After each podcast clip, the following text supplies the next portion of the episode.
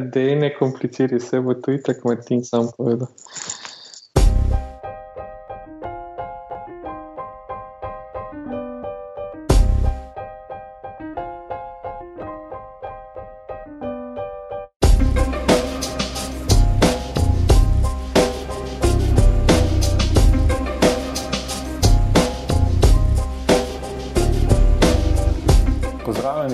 podcasta BIM Pogovori, v kateri se z gosti sproščeno pogovarjamo o informacijskem modeliranju zgradb in informacijsko-komunikacijskih tehnologijah v gradbeništvu.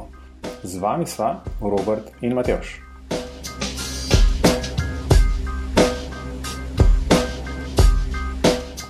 Pozdravljen, Robi. Zdravo, Matejš. Današnji oddaj bomo govorili o tem, kako se BIM lotevajo večje firme. Um, in to bo povedal naj en gost, Martin Lamp. Pozdravljen, Martin. Živijo. Uh, torej, v bistvu Martin Lej prihaja iz podjetja Leja, ampak za vse ostale, ki te še ne poznajo, um, da povej nekaj malo o sebi za začetek. Ja. Um, se pravi, moje ime je Martin Lah, zaposlen sem na podjetju Leja IC, kot si že povedal. To je, se mi zdi, ena večjih projektantskih hiš v Sloveniji. Uh, zdaj sem na Ileji že eno leto. Um, moja naloga je v bistvu razvoj, implementacija, koordinacija aktivnosti v zvezi, v, v zvezi z BIM metodologijo. Oziroma, v enem letu smo zdaj že prešli na, na izraz digitalizacija naše grupe, zato ker je del IC skupine, ki, ki, ki je v bistvu matična firma v Avstriji na Dunaju. Vse skupaj grupi je okrog 500 zaposlenih, na Eleni je trenutno okrog 80. Mm, potem pa je ta grupa v Avstriji prisotna še v Salzburgu, kjer je še naslednji večji office, uh, potem v Varaždinu na Hrvaškem, kjer so inštalaterji. Uh, cela Elena se predvsem seveda s projektiranjem ukvarja, od gradbenih konstrukcij, uh, infrastrukturnih objektov, tunelov, zelo močen tunelaški oddelek. Eh, geo, geomehanika. Tudi arhitekturni biro imamo s petimi, mislim, da jih zdaj pet ali že zelo nekaj več arhitektov. Uh, in uh, uh, v bistvu, uh, kaj sem hotel še povedati? A, na katerih področjih je cela grupa uh, prisotna. Ne? Od načrtovanja, arhitektura, gradbene konstrukcije, instalacije, tuneli, uh, ogromen oddelek tukaj gor je project management na Dunaju in pa nadzor na gradbišču, consulting, potem so pa clean energy solutions, uh, ki, se ki se z energetiko ukvarjajo, najrazličnejše project management, pa načrtovanje infrastrukturnih, vodnih objektov, elektrarn in tako naprej. Skratka, pokrijemo praktično vse. Vse um, področja, kar se tiče tega, konzultinga, načrtovanja, nadzora. In ker je Eleja v bistvu že pred parimi leti, mislim, da je to v letu 2012, preden sem sprašil na Elejo, začela z probavanjem, probavanjem implementacije BIM-a na projekte, zato ker so pač nekateri projekti se začeli pojavljati, ki so zahtevali BIM. Ne. Prvi tak večji je bil Stockholm Bypass, to je, bilo, to je bil en ogromen projekt. Uh, ene, ene obvoznice okrog Štokholma s tuneli z različnimi objekti, ki so ga, ki so ga vodili, uh, mislim, da je komno. Več od tega bi se project manager iz, iz LA vedel povedati. Ampak zahteva tam je bil BIM ne? in tam so se takrat prvi srečali tudi z velikimi common data environmenti, s project guidelines, project vice je bil takrat na tem projektu. In tako naprej, in so se mogli preprosto vršiti v modeliranje, izdelave modelov, poleg projektne dokumentacije. In od takrat naprej je naš konstruktorski oddelek, pa tudi Nelaši, so začeli v bistvu kar počasi prehajati na, na modeliranje, izvajanje načrtovanja. In pač te izkušnje, ki so se takrat nabrale, zdaj hoče cela grupa, cela grupa izkoristiti. V procesu digitalizacije, pred enim letom se je to formalno začelo, ko sem jaz prišel v to grupo, v LEO, Moja naloga je pa v bistvu koordinirati vse te aktivnosti znotraj grupe in skozi digitalizacijo oziroma implementacijo BIM-a, malo širše gre vse skupaj, um, povezati posamezne firme znotraj grupe bolj narediti neke standarde, kolaboracija, koordinacija in tako naprej. Tako da to nekako je predstavitev grupe, pa moje, moje naloge. Drugače pa v bistvu ukvarjam z BIM-om od svojega začetka. Jaz sem diplomiral na, na gradbeni fakulteti leta 2008 in začel najprej na SCT-ju kot mlad nadobuden inženir v novo ustanovljenem biroju na SCT-ju. To je bil pa tehnični biro pod okriljem inženirja gospoda Penkota, to je bil starejši, zelo, zelo, bom rekel, napredne miselni, takrat pa seveda izkušen inženir, ki je odprl tehnični biro, zaposlil štiri mlade inženirje in smo začeli ukvarjati z optimizacijo projektov. Ne. Se pravi, potreba je bila taka, takrat je bilo ogromno projektov, konjunktura je bila, projekti so bili zelo slabe kvalitete in uh, smo takrat spoznali, da preden gremo na gradbišče, je bilo fajn vso dokumentacijo pregledati, pa jo v bistvu narediti konsistentno, zato da bo manj problem, problemov pa zamud na, med samo izvedbo, ojačati malo tehnično pripravo del, mi smo bili v sklopu tehničnega, tehničnega sektorja takrat. Uh, in prva stvar, ki smo naredili, smo si instalirali roleplan, programsko upremo in, in začeli modelirati. Ne?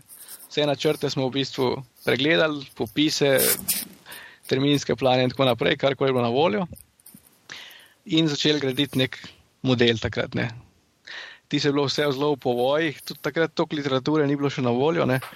Ampak prvič, ko sem se jaz spoznal, uh, seznanil z izrazom, srečal z izrazom BIM, je bilo, ko sem odprl Allplan, je tam pisal BIM, ki si to odprl.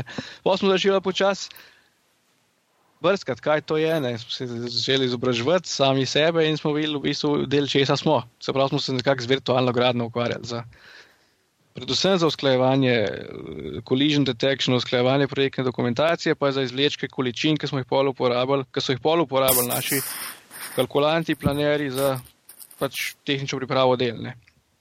Pa to vse v bistvu nepovezani sistemi med sabo. Uh, potem pa sem v bistvu deloval še tri leta,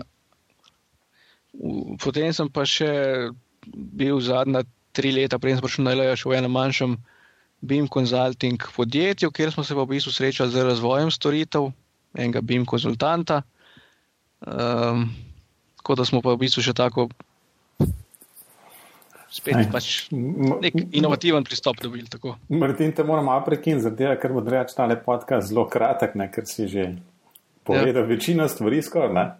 Okay. Ampak ne, ne res je v bistvu dobra, dobra zgodba. V bistvu, uh, ker ker si mi že odgovoril skoraj na prvo vprašanje, kako si sploh s tem bimom začel, ker uh, malo sem šel pogooglati in uh, našel tvojo diplomo, ki pa v bistvu dejansko ni imela kaj prav velik povezave z bimom, Ko, kot sem jaz na prvi pogled videl. Ja, razen, da, razen v bistvu, da sem eno podatkovno zbirko dela začel. Ne? in sem se malo bolj z IT-jem spoznal v tistih osmih mesecih, kar sem to delal. Ne.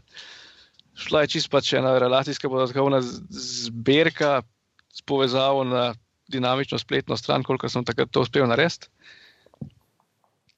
Um, tako da, ja, takrat, takrat v tisti fazi še nisem vedel, kaj to bi. Tudi ni bilo še, ni bilo še takrat uh, uh, predavanj na našem faksu. Ne.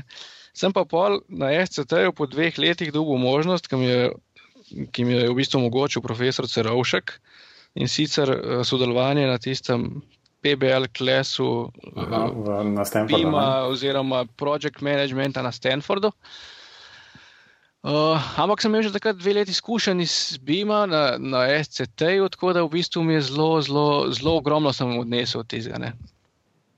Uh, tako da to je bil prvi tak nek formalno izobraževanje.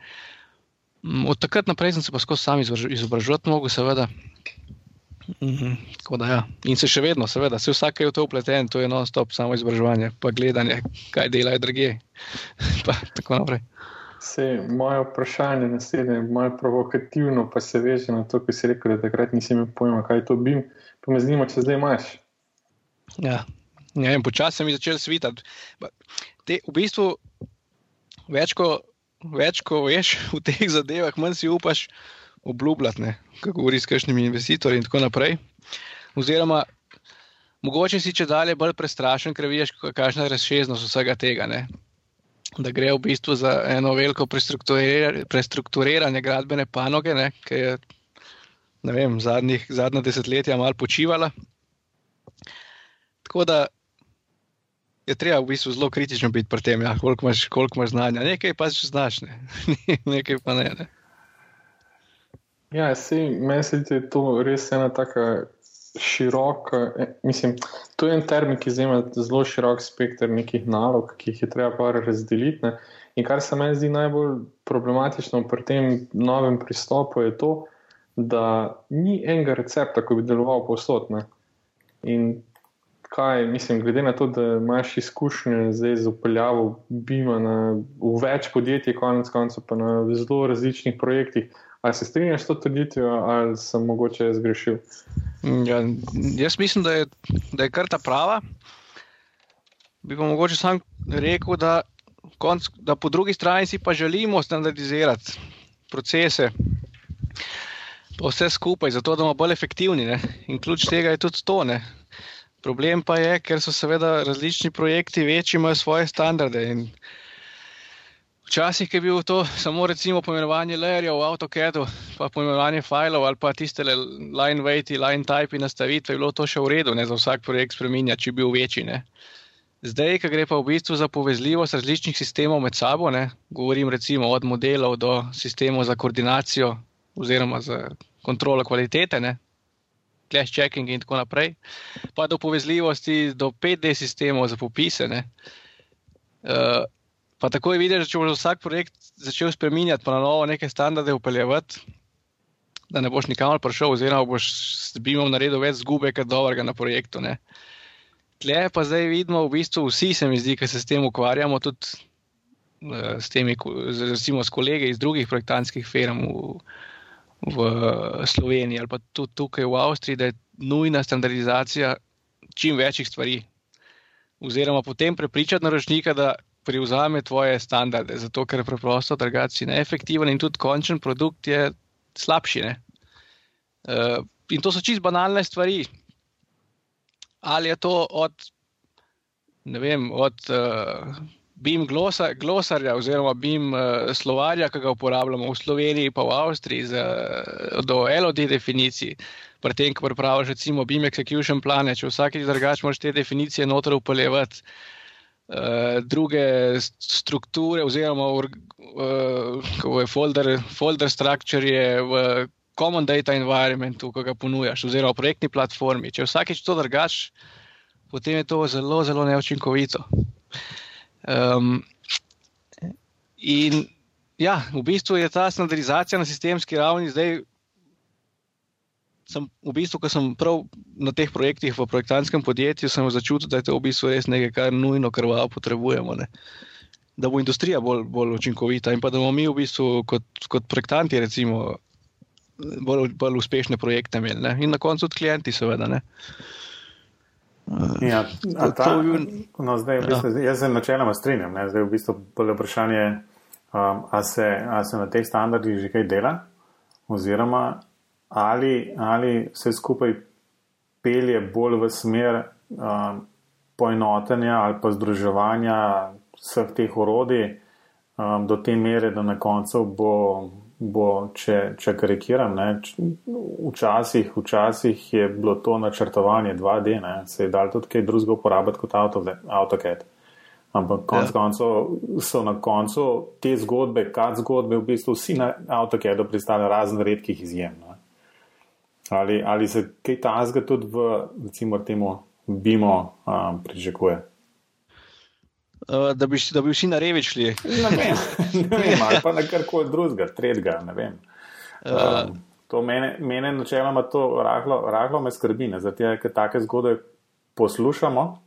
Ja. Um, in, in, in se mi zdi, da je to sklicevanje na to, da, da je treba standardizirati. Ne, to vidimo pri IFC-ju, to se standardizira, standardizira že zadnjih 20-25 let, pa že zmeraj ja. ni dobro. Ali pa ja, vsaj ja, ne dobro. dovolj dobro. Ne? Vprašanje je, mi recimo v grupi, uh, v grupi imamo ogromno pač različnih projektantskih, različnih projekta, projektantskih uh, timov. Ne? Imamo recimo ena, dva, tri projektantske time za instalacije. Imamo tri time za konstrukcije. Uh, in tako naprej, no, ne bom zdaj naštel. In znotraj grupe imamo tudi zelo različen softverski spektr. Ne? Ko sem jaz prišel, pa še zmeraj v bistvu isti.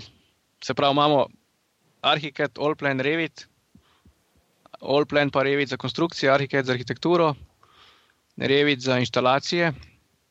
Potem je tukaj infrastruktura, kjer v bistvu sistem, ki dosti ne more pomagati. Imamo civile, urbano za komunalno infrastrukturo. Uh, to, je, to je več ali manj to, kar se tiče softverov za modelirati. Potem imamo softver za popise, pa za kontroling oziroma projektno vodenje Rebuy2, ki podpira v bistvu IFC standard, pa njihov CPI format. Potem imamo za kontrolo kvalitete Solibri, ki spet rabi IFC standard. Tako da smo se v bistvu zelo vrgli v, v IFC, v standardizacijo naših umestnikov, IFC eksporterjev in importerjev.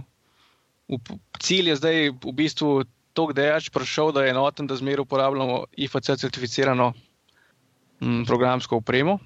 In se potem sprot na začetku vsakega projekta, seveda, malo spopademo s kakšno težavo, ki se pri uh, um, prenosu podatkov pojavlja, ampak se da zadeve rešiti. Tudi sodelujemo zelo s proizvajalci, ki v bistvu zelo hitro so, zelo agilni in kakšne stvari so zapravijo, pomagajo rešiti in tako naprej.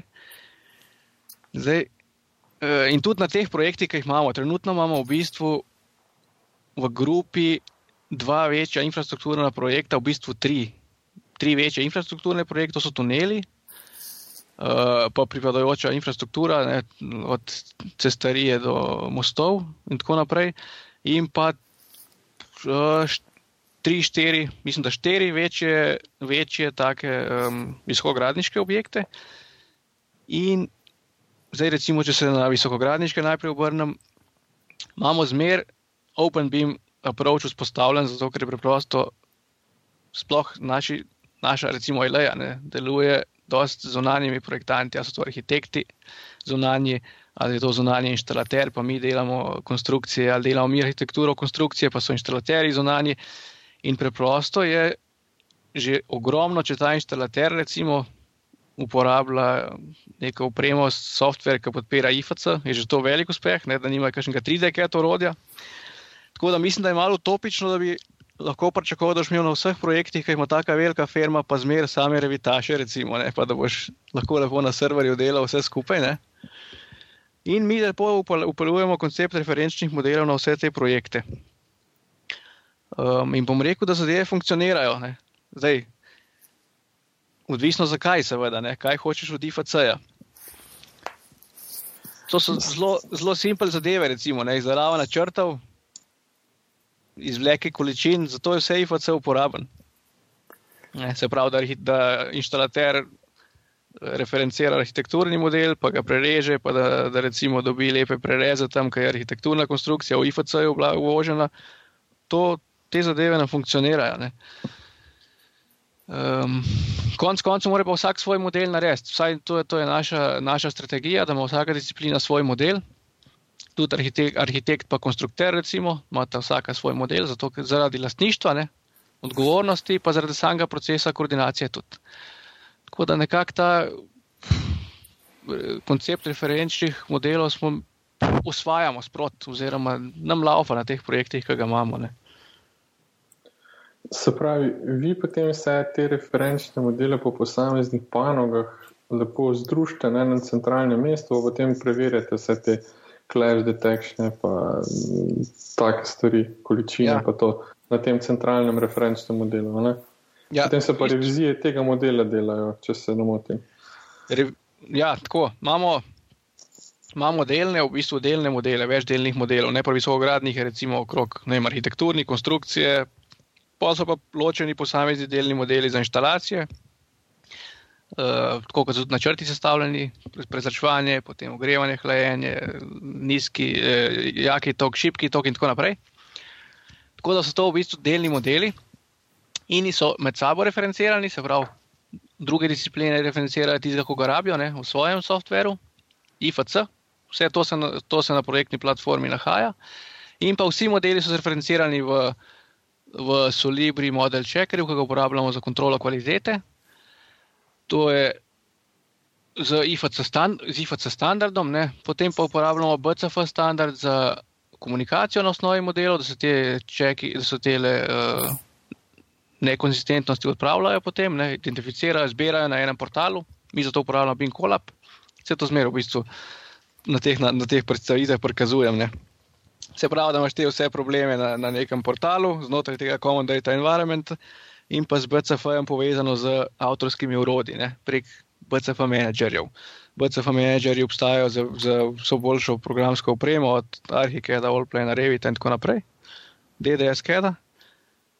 In v bistvu s BCF-jem si lahko zelo pospešiš odpravljanje samih problemov tekom projektiranja. Pol so pa te modeli, ne bom rekel, referencirani, ampak uvoženi v program za, za izdelavo 5D modelov. V bistvu za nas je pomemben ta program, predvsem za izdelavo popisov, in pa za izdelavo, in pa potem za kontrole in pa vodenje projektov, v primeru, da imamo še nadzorne.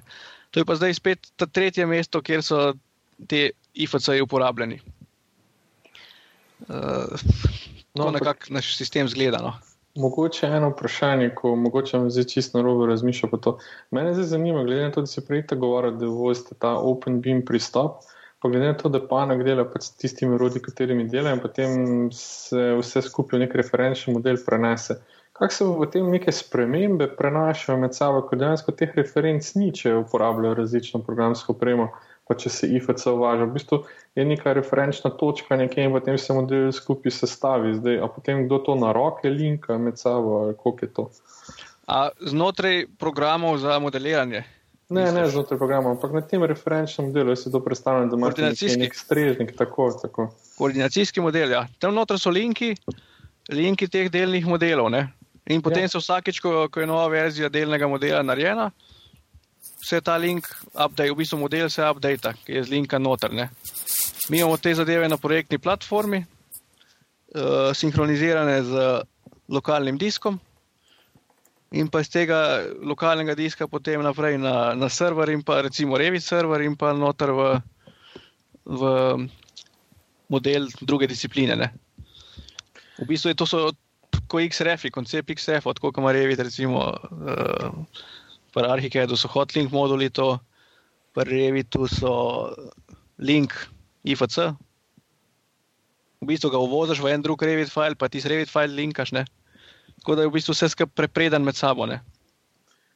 Ja, vse to je jasno. Ampak jaz sem v bistvu bolj, bolj tehnično hotel vprašati, recimo, da, da bi nekdo neko cel, neko cel imel sprojektirano, potem bi pa arhitekt premaknil steno oziroma karkoli in potem tisto odprtina več ne bi bila na pravem mestu.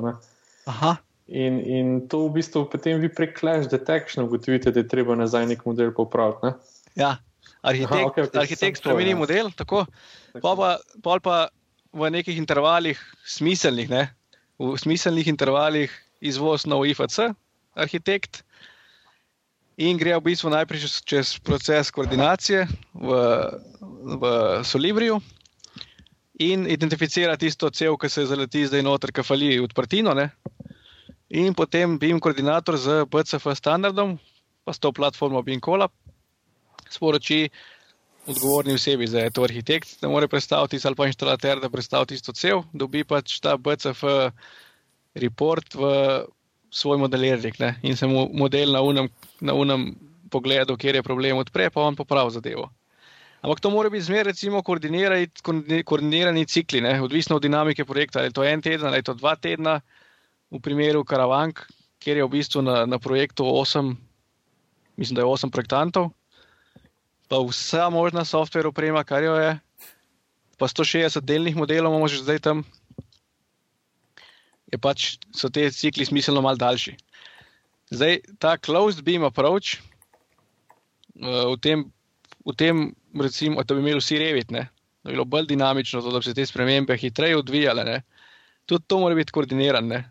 Ker če si predstavljamo zdaj arhitekta, ki pride zjutraj v službo, pa za, za dobro jutro par predeljnih sten razmečene. Ja, ne, seveda, ne. Moraš pre, pre, premečene. Dobi eno idejo. Ne.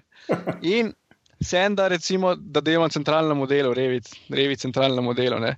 Senda, seveda na save, ampak senda spremembe na server in gre na stranišče. In, in ko, ko, ko to vidi inštalater, nekje na drugem koncu sveta ali pa na drugem koncu Ljubljana, no se že to dosti začne predstavljati svoje difuzorčke po stropu, ne, zato da ne bojo na, na sred stene predeljene, ker vidi, da so se stene predstavljene. Pol prije pa nazaj iz stranišča, arhitekt pa se odloči, ne, ne, prej mi je bilo bolj všeč, pa spet nazaj predstavlja tiste stene, pa senda. Če bi tako delali, recimo, ne, eh, na, na, na živem modelu, centralnem, ne, to bi bila lahko velika zguba urne. Tako da tudi to mora biti zelo koordinirano. Ja, zato sej... mislim, da ta Open Beam koncept uh, sploh ni tako spaljen, zato ker pač lažje kont kontroliraš kvaliteto. Ja, ampak v bistvu, de dejansko si v Open Beam konceptu, pač s temi IFC-ji v to prisiljen. Um, če bi imel pa to dejansko neko tako živo, živo objekt oziroma živ um, en, en model, ne, na ja. katerem bi vsi delali istočasno, lahko potem bi pač moral to na nekem drugem nivoju um, se dogovoriti, kako in zakaj, kdaj lahko kdo kaj popravlja in zakaj. Ne. Ja. Um, Lej, se strinjam, v bistvu vmes sem se smejal zaradi tega, ker um, sem razmišljal, da če, če poslušalce ni začela že glava boleti, ker si ti to začel govoriti, uh, ja. ker si našteval v bistvu mi je prišlo na, na, pač v glavo tisti um, periodni sistem Bima, ker si po mojem že čisto vse kratice, ki obstajajo tam gor omeno. Uh, ja. Ampak da je tako za malo razložite BCF, uh, ki si ga ene parkrat um, zdaj omenil, pa se mi zdi, da je kar tak poglaviten del um, vse te komunikacije. Ja, BCF je BIM Collaboration format, To je v bistvu ta drugi pomemben standard, ki ga je Building Smart naredil in je tudi eh, del ISO standarda, kot je IFC. Gre za standard, s katerim lahko med različnimi aplikacijami, BIM urodi, delimo model, kaj to, uh, model, komentarje povezane z modeli, tako nekako. Ne. Um, Model-based communication. In meni se zdi to v bistvu, jaz sem se resno s tem s tem srečo šele v projektantskem delu, zdaj ne. Pred enim letom in ga uporabljamo takrat na vseh projektih, to je nuja.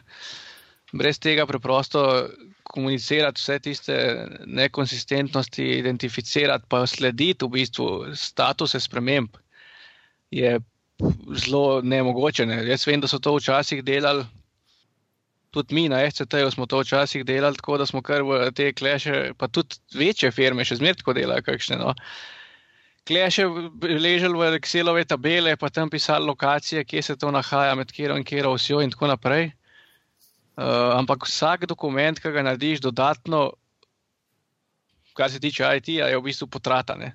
Ali podvajanje informacij, ali ne vem kaj. Zato je fajn, ker se ta BCF je že toliko implementiran v softvere, da se da kar sinhronizacijo prek neke spletne platforme vse to voditi. Ne, ne rabiš niti BCF, da to tek in mi je to zelo všeč. Manj kaj, da to teče na projektu, boljše ne, za vse. Tako da to je BCF. Mm. In ta BIM, BIM ja. kolap je v bistvu bolj ali manj tak. Um, Spletni, spletni ja. implementira ta BCF ne, skozi to. Ja, to? Ja. Ja. Spletna platforma, ki omogoča sinhronizacijo med Solibri model checkerjem, mislim, da tudi Navisom, pa med uh, nekaterimi programi za modeliranje. Če pa teh programov ni, pa se treba pa z reporti, PDF reporti, ki jih lahko tudi z tega, ali pa direktno z te platforme v bistvu gledaš, kje imaš probleme. Mm. Pa jih gor komentiraš na platformi, ne v samem modelirniku. Ampak lansko leto sem bil na, na, v Budimpešti, ko je bilo na, na Graphisoftu uh, zasedanje tehničnega. tehničnega Tehnične skupine v Building Smartu, kjer so bili v bistvu vsi software developerji sveta prisotni, ne? In so se pogovarjali o standardih, o težavah, ki jih imajo IFC v njihovih softverjih in tako naprej. In smo se pogovarjali o BCF formatu in so bili v bistvu zelo presenečeni, da se to uporablja v praksi. Ne. Oni so to integrirali, ampak dejansko dosti ljudi tega ne uporablja. Ne. In so kar gledali, res to uporabljate. Ja, to je pa super, končno, ne, da nekdo to uporablja. Ne. Ja, zate, ampak to, jaz mislim, najbrž, lahko ganem razlog, zakaj se to uporablja. Zato, ker recimo tako, mi, mi da zrobijem, kar bolj tako iz teoretičnega stališča gledava na, na BIM in na IFC in tako naprej. Jasno, saj osebno lahko rečem zase, da, da živim v nekem takem um, utopičnem prepričanju, da je ta en model dejansko en model. Ne fizično en model, na katerem vsi delajo istočasno in vse se lepo sinhronizira v realnem času, in tako naprej. Ne? Ker ja. jasno ja. od tvojega pripovedovanja slišimo, da je daleč od resnice, ker jasno to čisto razumljivo iz praktičnih razlogov. Ja, uh, eh, vse prav. Ne? Lahko da jaz, če nisem srečal uh, projekta, kjer, kjer bi v bistvu videl uživo, kako dela recimo Closebeam na enem centralnem modelu v Revitu, če imajo vsi Revit. Ne? Uh, za visokogradniški del, seveda, imaš pa itak še infrastrukturo okrog, ne moreš tako delati? Ker Revit ne omogoča tih stvari, ampak tega še nisem videl. Ne? Ampak jaz mislim, pač to je moje mnenje, ne? da je to v praksi zelo, zelo težko izvedljivo, da je bolj teoretično. To je tudi razlog, zakaj je v bistvu UK UK v bistvu na, uh, s tem svojim zbim strategijo najprej zaštartal level, level 2, kar je ravno to, koncept referenčnih modelov, ker je v bistvu zadeva zelo, zelo enaka kot je tradicionalni način projektiranja, pa XREF-ine. Samo da je vse skupaj malo bolj koordiniran, pa načrtovan, s tem execution plani, pa tako naprej, pa, pa common data environment, to je en velik del UK standarda level 2. Ampak koncept je pa zelo isti, ki ga razumejo tudi starejši, izkušeni, oziroma tradicionalni projektanti in pa izvajalci, ne? kjer imaš še zmeraj odgovornosti, ločene po modelih, ne? oziroma kako je bilo čas po risbah, ne? ne pa po elementih. Ne? Naslednji korak je pa, da bomo odgovornosti definirali za elemente. Potem se bo dal tako delati, ne? ampak to je ogromno, ogromno dela še ne da bomo lahko imeli lepo svoje de elemente definirane, kdo je za kaj odgovoren, pa kako naprej, pa to skoordinirati v praksi. To, je, to bo lepo, ne, bo. To bo, to bo do tistega pripeljano, ker je v bistvu um, profesor Turk je tisto o komunikacijskih revolucijah um, znala predstavitev, pa govori o specializacijah in um, tako naprej. Ne. -hmm. To bo pripeljalo do tega, da bo znal en sam stene, ki so, stene, ki so vem, zunanje stene postavljati. Ne? Pa še imel pa enega specialista, ki je znal pa sam knal predeljne stene delati. Mislim, ja. če ja. malo karikiral. Ja. Ja, sem ta koncept potem ne bo mogel biti upeljan v Slovenijo, ker so po v bistvu taki multipraktiki, da spoh preživijo. Ja. Zdaj, mogoče Martin ni pravi za take pogovore, ko res so oni multinacionalki v bistvu. Ne? Ampak vse poznate, vredno tiste slide, ko jih jaz vsakeč kažem, kak procent vseh podjetij, ki se v Sloveniji ukvarjajo z gradbeništvom, je v bistvu mikropodjetij. Tako mm. mislim, 97 procentov. Ja, seveda. Tako da mi je pa zelo všeč, no? zelo mi je všeč, da ti, ki si iz prakse, ki se s tem srečuješ vsak dan, pač poveš realno, da okay, nismo še tam. Mislim, še tega level 2 nismo v redu upeljali, ne govori to level 3, da imamo najprej tega. Ne. Ja, definitivno. Kaj je recimo, kje so še velike zgube ne, uh, na projektih, v bistvu, kje bi se dal še marsikaj prešparati? Je to, da, da se v bistvu naročniki, se mi zdi, v Sloveniji so res če dalje bolj osveščeni. Ne kjerkoli sem bil prisoten v, v, v teh, rečemo, začetku karijere, ne v teh osmih letih.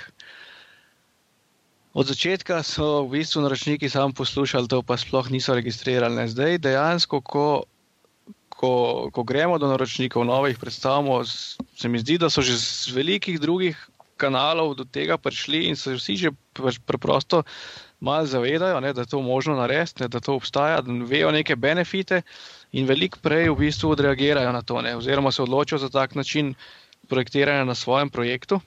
To je zelo pozitivno, kar opažam, recimo zdaj v zadnjem letu. Um, je pa problem to, ker tudi na računik se vejo te nove vloge, ki so zdaj, ne, od BIM menedžerja, BIM koordinatorja, skupnega koordinatorja, delnih disciplinskih koordinatorjev in tako naprej.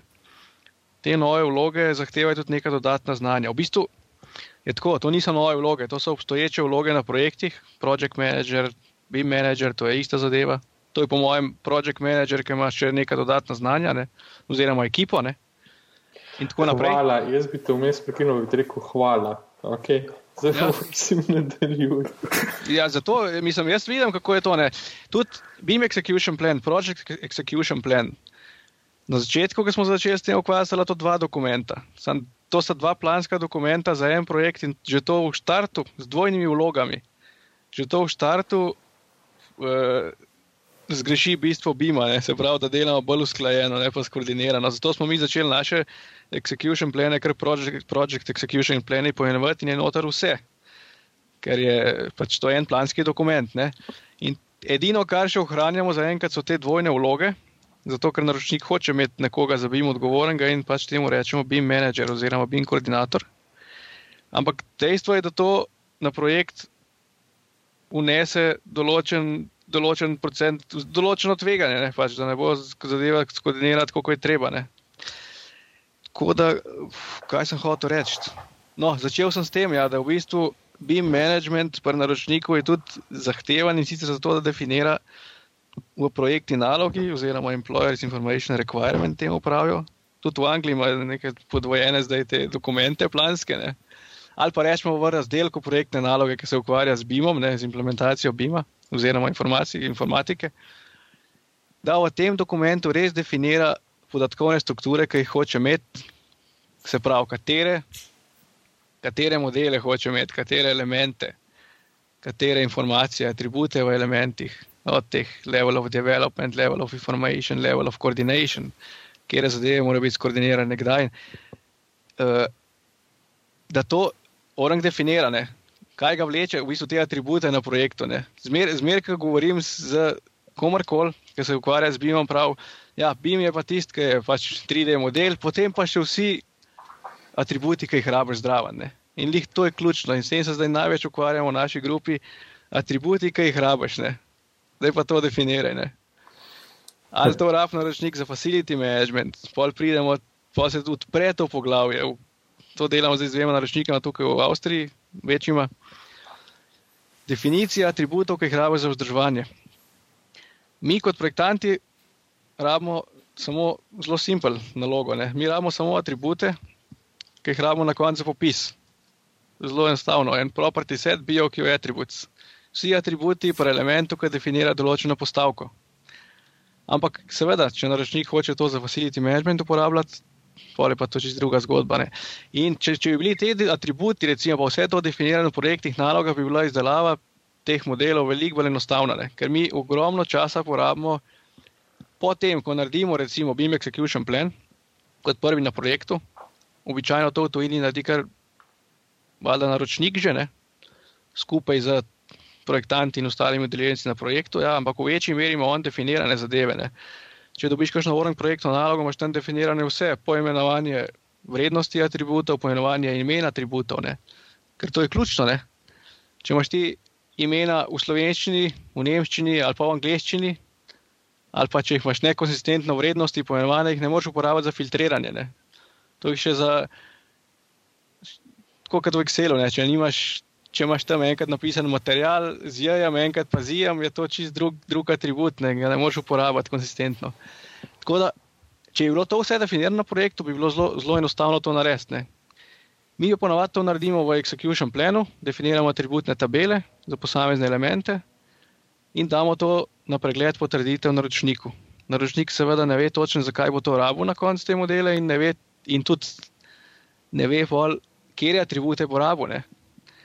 In zato je pol treba večkrat ta execution plan update, večkrat modele, vse te familije, vse, vse gradnike modelov potem spremenjati, nove atribute dodajati in tako naprej.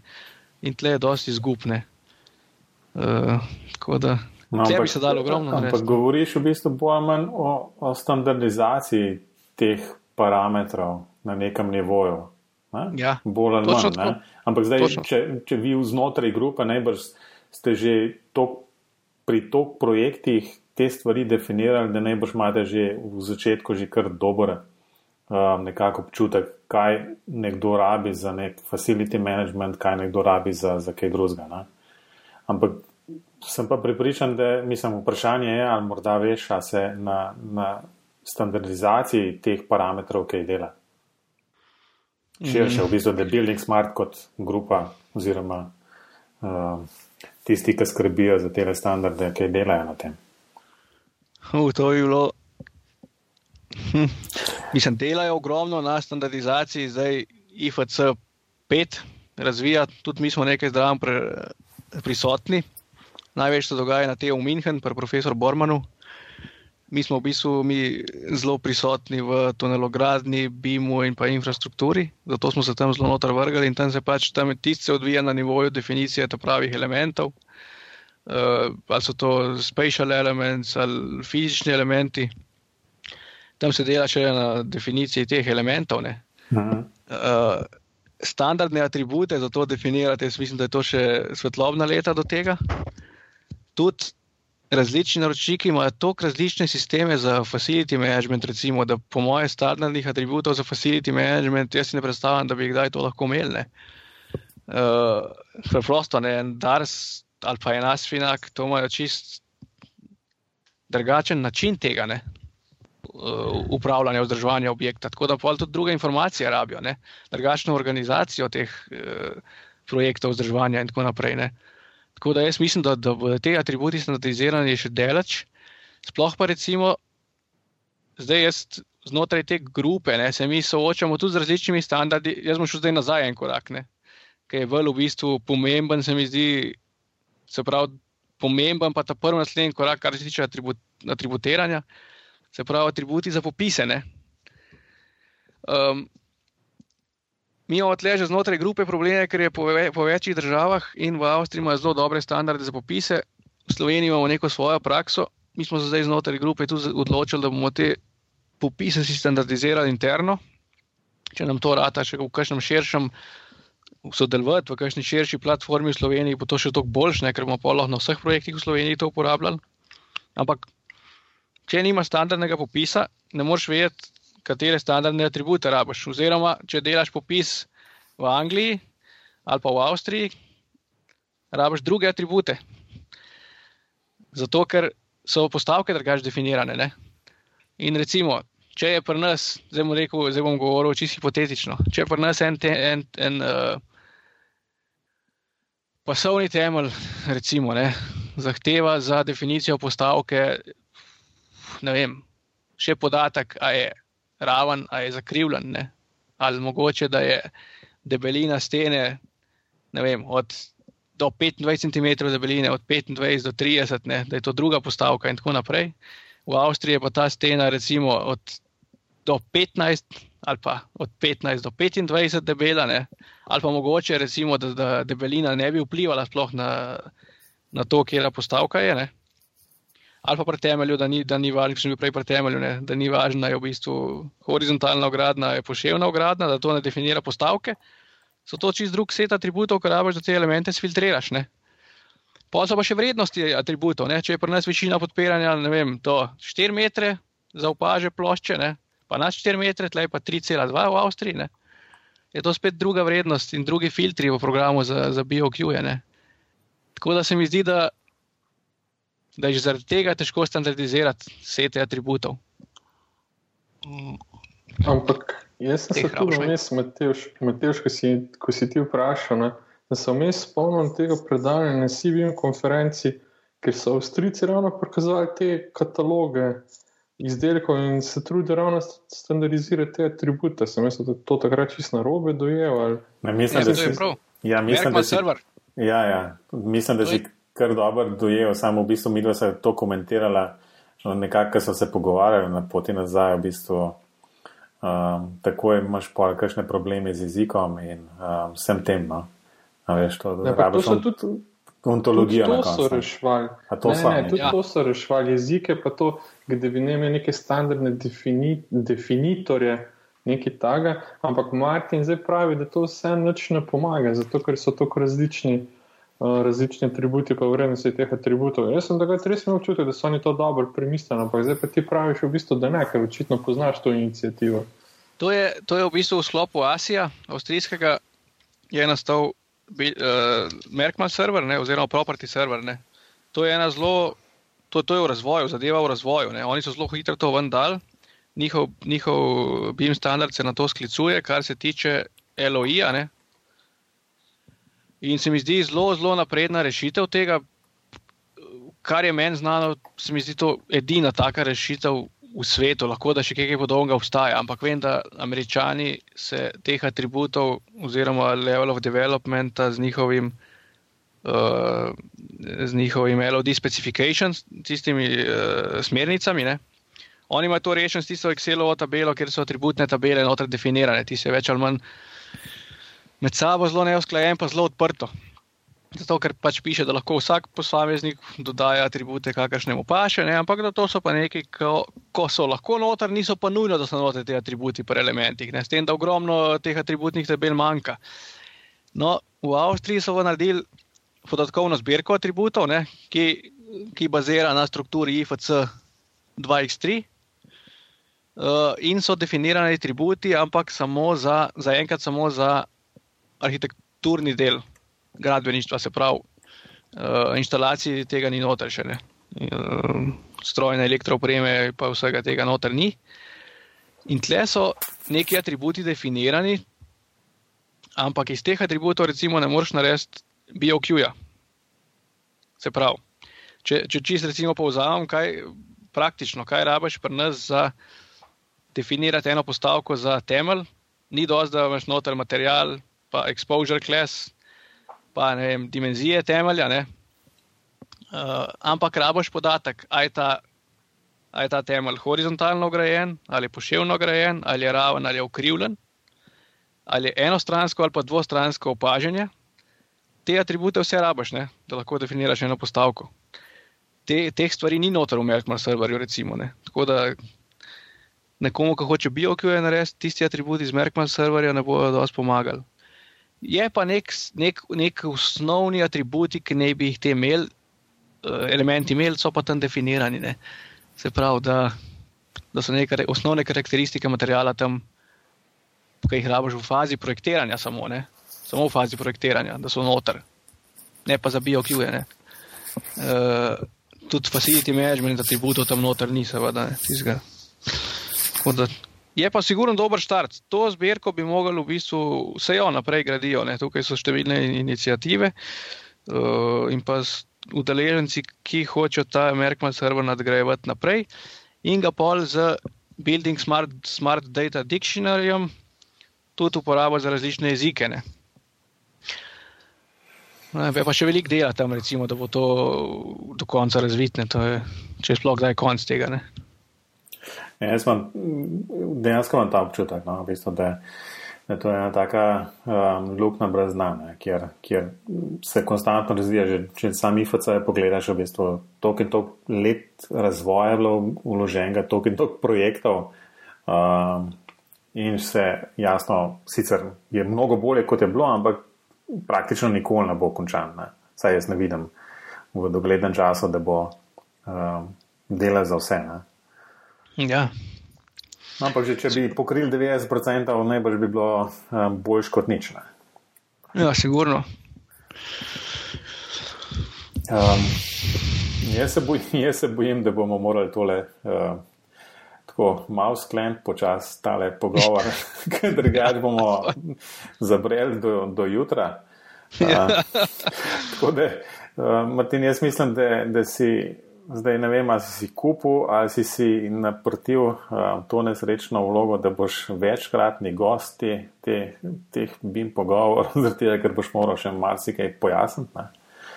Ja, kako se to na recimo takšnih resnih projektih dela, zato ker vsem, vsem skupaj najbrž jasno, kako bi to naredil na enem taki manjši enodružinski hiši. Um, ampak na, na kaj večjega, kjer imaš cel kup enih projektantskih firm vključenih v to in izvajalcev in vsega tega, je pa jasno čist drug uh, primer. Jaz bi sam kot zanimivo s poslušalcem povedal, da smo imeli v, v template za tale pogovor dve točki in smo se v eni uri prve lotili. Martin, druga vstaja za drugič. Ne, smo, enkrat smo še celo omenili Common Data Environment, ampak vlej, uh, to je, veš, malo sem od spodaj sem pa dopisal še enih drugih deset točk, ki smo jih nekako rekli. Ne. ja, mogoče bi bilo najbolj, če se srečamo na kakšnih zdaj bo ogromno, ogromno teh konferenc. IZS eno veliko organizira, trodnevni maraton. Ne? Ja, res je. Tam, tam, tam bomo prisotni. Ti si Maja, tam bomo prisotni, potem na Zapsu. Zaps organizira nekaj. To je pa prela, uh, ne boje. Ja, tam bomo tudi predstavljali projekte. Mi bomo v bistvu zmeraj samo projekte predstavljali. Common Data Environment bomo skupaj z CGS-om predstavili na njihovem dogodku, ki bo tudi zdaj enkrat to, na, to najbolj za oni reklamo delajo, ampak vem, da, da bo zdaj v kratkem, no, kakšen mesec. Um, tako da, pa še kakšne se bo najdel. No, še en tunelaški kongres je v Sloveniji, tudi v sklopu ITA, International Tunneling Association. Mi smo tukaj v tem, v temu, v tej, to je največja asociacija za, za tunelaše, svetovna. In mi smo odprli tudi noter working group, delovno skupino za BIM v, tunel, v tunelogarni. In to bo tudi v, v Ljubljani v roku enega meseca, mislim, da nekaj tasga ali pa dveh. Tako da bomo te projekte tam predstavljali, tako da najbolj, da se tam vidimo, ne, da bomo lahko še kaj pokazali. No, na vsak način uh, bo rade vole se oglasila in uh, da še kakšno rečemo v živo. Um, kaj, gremo naprej, Rove. Ja, mislim, da je skrajni čas, da gremo naprej. Lej, uh, sicer je naslednja točka, uh, pr so priporočila, jaz uh, imam sicer nekaj priprav, ampak Martin, uh, klej nisi nič napisal, ampak uh, zdaj le si navrgo cel kup enih srečanj, na katerem bi lahko poslušalci zvedeli kaj več in o tebi, in o LA, in jasno o vaših projektih. Ja. Imáš kaj drugega, še tazga, kar bi lahko um, recimo, priporočil poslušalcem? Za nujno, da v branje. Branje. Karkoli v bistvu, ne? Matejš ja. ima rad audio knjige. Ja, danes snimam. Smo omejeni. E, knjige ne vem, ne, knjige je ogromno. Jaz največ te standarde preberam. Če hočeš eno celovito sliko dobiti, tako sistematično, so sigurni, eh, angliški standardi zelo dobri. Ne če hočeš zelo praktične zadeve videti, so finski standardi najboljši. Uh, za execution planning bi rekel, da je najboljši ameriški standard. Pol pa za vsakega manj ta najboljše stvari potegneš. Pa v bistvu dosti praktičnega pregleda dobiš. Ne? Singapur ima zelo dobre smernice, tudi knjige je verjetno malo morje. Drugač pa spremljam v bistvu za neke take ideje, da se malo v bistvu bolj od, glava odpre. Uh, karkoli na temo digitalizacija oziroma industrija 4.0, industrijska revolucija četrta. Mm, to. No, lej, bomo, bomo kaj polinkali od tega. Uh, Šmal pomagal z, z linki na, na te standarde, ki si lahko kaj uh, tako online prebere. Uh, pa robi, kaj pa ti, imaš kaj, kakšna ideja? Yes. Ne, jaz pa danes nimam priporočila, imam pa idejo in sicer moja ideja je, da bi prosil malo poslušalce, ne se kaj oglasijo, ne malo povejo svoje mnenje o tem podkastu. Mislim, da vsakeč dama kontakte, pa ne res zanima, kdo naj posluša. Bova danes, danes uvedla to, da bo sam Martin povedal svoj kontakt, mi dva pa ne bova, pa mogoče v kaj pomagati. Um. Jaz bom pa rekel, da naj, da naj vajo kontaktira, če hoče moj kontakt dobiti. Lej, super, da bojo, hvala da bojo Martin za, za, za to promocijo. No, ampak lej, jaz pa imam nekaj za, za priporočiti. Um, to je bila moja kar dolga bolečina, odkar imam ta novega MacBook Pro, um, samimi USB-C porti. Um, no, in dolg časa nisem mogel starga. Um, Apple, Apple monitor je uporabljati, ker je imel pa nek čuden mini display port. No in zdaj, uh, konkretno danes, ko tole snemamo, danes do povdne sem ta konverter dobil, ker gre iz mini display porta na USB-C. Tako da sem zdaj srečen uporabnik, oziroma iz USB-C porta na, na mini display, tako da sem zdaj spet srečen uporabnik starega Apple monitorja in imam večjo sliko lahko, več vidim naenkrat. Več standardov bim si lahko odprem naenkrat. Uh, tako da ja, to je, to, je, to je, kar je za priporočiti Apple link v bistvu na, na, na tega konkretnega, uh, kar dejansko dela, uh, pač bo v zapiskih. No, v bistvu, pol pride pa naslednje vprašanje, ampak zdaj tle smo že zadnjič s robjem začeli ugibati, kaj, kaj bo gost povedal. Uh, ampak recimo, da dan kaj, robi ugibava ali bova, bova rekla, da uh, Martin poveda. Ne vem, ne pove. Ne no, pove. naj pove. V redu, uh, bim programska prema, ki jo v bistvu uporabljaš. Ja. Pa vem, da vse uporabljaš, no, ampak za eno se nažalost moraš odločiti.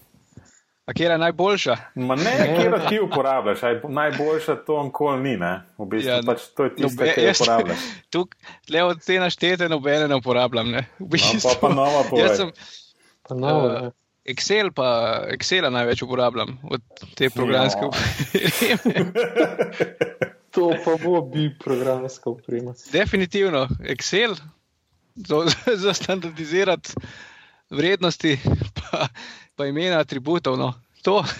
to a ne, a ne vem, ali sem že povedal to, to tisk, ki je, ki je Mati Hanos, ta uh, iz Finske. Že, že sem bil še enkrat. No, skratka, enkrat je izjavil, da, da je gradbenik vse, kar potrebuje, je Excel. No, evo. No, to, to. Uredno, to, to je študenta zmer povem, zmer se smejimo. Nek, nek softver imamo za UML, uh. ki je v bistvu malo boljši kot Excel. Ne? Nek brezplačni, zato da si malo te podatkovne strukture gradimo. Drugač pa, kar se tiče zadela z modeli, je pa Solibri model checker. Za druge stvari preprosto delajo pa nas projektanti. Tiste, tiste paket, ki sem jih omenil, ne? Yeah. Ja. Sigurno arhitektura, arhitekt, za konstrukcijo, instalacijo, revit. Se pravi, tega jaz ne uporabljam dejansko več. Včasih sem pa ogromno modeliral in sicer v Arhikedu, uh, nekaj v Tekli, uh, pa na FCT-ju takrat tri leta v Olplenu. Uh, pa smo pa imeli še tiste, kar smo delali, vizualizacije, pa rajnote, pa take ja. stvari. No. Uh, tako da, ja, samo so Libri pa Excel za enkrat, da, da sem več. Ne. Kaj, v, firmi, v firmi imamo zdaj prav enega 5D specialista, ki se pa samo z ribom ukvarja. To je tako kompleksen program, da, da, da preprosto ne moreš kar mal probati, pa mal nekaj narediti. Ne. To smo že zadnjič ugotavljali z robjem in z gostom. Ja. Da, da, da to, če ne delaš konstantno v, v teh programih, v bistvu, če delaš to enkrat na 14 dni, um, boš da ne, ne. ker nisi ne. sploh produktiven v njih. Ne, mi smo provali te vloge pač zelo razdeliti in ločiti. Projektanti so v bistvu modelari ne? in mm. seveda, poleg tega, včasih so risali, zdaj pa modelirajo, ne? tisti, ki to delajo. Tako da oni, se, oni, oni proizvajajo te stvari, projekte. Ja, ni ok. Jaz projektant nisem. Mm. Tehnično, v bistvu, oziroma kaj imaš, uradni naslov je tvoj? Ja, urad, uradni naslov je BIM manager. Uh, gre pa v bistvu, da predvsem gre za koordinacijo, pa poenotenje dela na različnih delih, ne, tako da je koordiniranje največ, uh, pa standardizacija tega. Ne. Samo vsebino generira pa nas pa projektanti, pa koordinatorji projektov. Oni pa zadeve generirajo. In so v bistvu, in tudi uh, uporabljajo razne dyname, pa programske jezike, da si olajšajo modeliranje. Tako da ta del, moj preprosto, čisto oni so odgovorni, naši projektanti za to. Mhm. Okay. Drugo vprašanje iz tega sklopa je, kako razumeš BIM, ali je to bolj model ali proces. Zdaj smo imeli že ogromno odgovorov. Od tega, da je to management, do tega, da je to. Kaj je že? Zdaj sem že pozabil. Kultura, filozofija, Kultura, vse filozofija vera, vse. Ja, vera. Ja. uh, ja, po mojem, da je oboje, kar sta, kar sta vidva že predlagala, da je to proces, ki na koncu, s katerim pridemo do enega končnega izdelka, ki je spet BIM, ne, v modeli. Ne, ne, ne, ne, ne, ne boš se rešil, ne bom eno povedal, ker to pa si bo Mateoš to pripisal. Ne, ne, sem, lej, sem že napisal noter, da je proces, ker jaz ja, verjamem, da ti to. Najboljš, najboljša definicija, ki sem jo do zdaj videl, ki se je zelo spravil, zelo različne definicije so že tega. Ne je preprosto digitalizacija gradbene panoge od, od EU, BIM, ta zgrupa definicija in to je edina prava definicija. Digitalizacija gradbene panoge. Je, zdaj sam še eno, neko dobro, kratko besedo bi si mogel zmisliti. DGP. DGP, vedno. Ja. Da, kje imam da, DGP? No. No, vmes, ko ti piše še tretje vprašanje, da ga malo prehitim. To pa lahko ugibam, Open Beam, da ne, zagotovo da. Ne? Ja, definitivno. Ja, definitivno. Nej, um, v redu se strinjamo tudi tle. Uh, Skratka, smo na koncu. Martin, najprej najlepša hvala, da si si vzel čas. Slišim, da si ta trenutek na Dunaju in da imaš tako preveč časa. Če malo hecam. Um, tako da res hvala lepa, da, da si si vzel čas in da smo um, nekaj rekli na, na temo Bima in sorodnih stvari. Tako da jaz upam, da se boš še kdaj oglasil v, v, v, te, v teh oddajah. Ja, hvala za povabilo. Definitivno, če me boste še kdaj povabili z veseljem. Uh, upam, da ni bilo preveč dolgovezno, da tistega, kdo je do konca zdržal. Lej, mislim, mislim, mislim, mi, da z Robijem sem bil kar nekaj časa tih, um, pa se te pustila govoriti, ker je bilo tako zanimivo, da jaz nisem imel tako nekaj vmes kaj za vprašati, ker si um, tako lepo povedal vse. Tako da res hvala za, za vse take odkrite informacije. Um, ampak za konec, povej, kje te, kje te lahko poslušalci dobijo, če te želijo še kaj dodatno vprašati. Um, Ja, lahko me kontaktirajo prek uh, LinkedIn-a direktno, lahko me prek, uh, prek mojega e-mail naslova, ki je martin.lahafnaileja.si. Um, Kako jim bo ustreza? V redu, bomo zapisali v, v, v zapiske, tako da robi, pa ti, ali so danes rekli, da ne bomo več govorili. Ne, danes pa ne bom povedal svoje kontakte, ker vitek noben ne uporabi. Moreno, jaz bom še, zmer, še zmeri upal, da če, če nama osebno ne pišete, v bistvu pol pa vse en dim pogovori so na spletu, še zmeri, pa na Facebooku in Twitterju. Čeprav Facebook in Twitter služijo samo zato, da tja napišem, da je nova oddaja na voljo, ponovim pa jasno tudi na YouTube, tako da lahko zraven, ko poslušate, zraven, ko poslušate, lahko lepo grafiko um, tiste oddaje pogledate. Um, morda enkrat v prihodnosti se še posnamemo, da vidite, kako zadeva zgleda, um, takrat, ko snemamo. Da, to je bilo vse za danes. Uh, Martin, še enkrat najlepša hvala uh, in v priložnosti upam, da se spet oglasiš. Ja, adijo. Adijo. Adijo.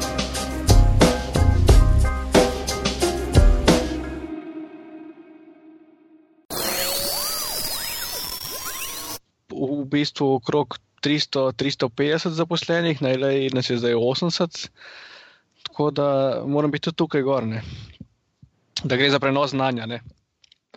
Ja, ok, sam jaz se spomnim, ko je jaka, mi dva jaka bolj poznava. No. Ja. Um, ko je razlagal, je pa rekel, da zdaj ni več tako gor na Dunaju, da zdaj dosti izgubljene dela. Ja, seveda, tako je v bistvu. Ne? Naši inženirji, če delajo na projektih od Avstrijcev, mm, ali se pol leta sem vozijo, ali se vozijo včasih na koordinacije, ali pa delajo nadaljavo, ostatko lahko ne največ. Ne. Uh, jaz moram pa v bistvu tle hoditi gor, zato da, se, da, da koordiniram te BIM aktivnosti po grupi.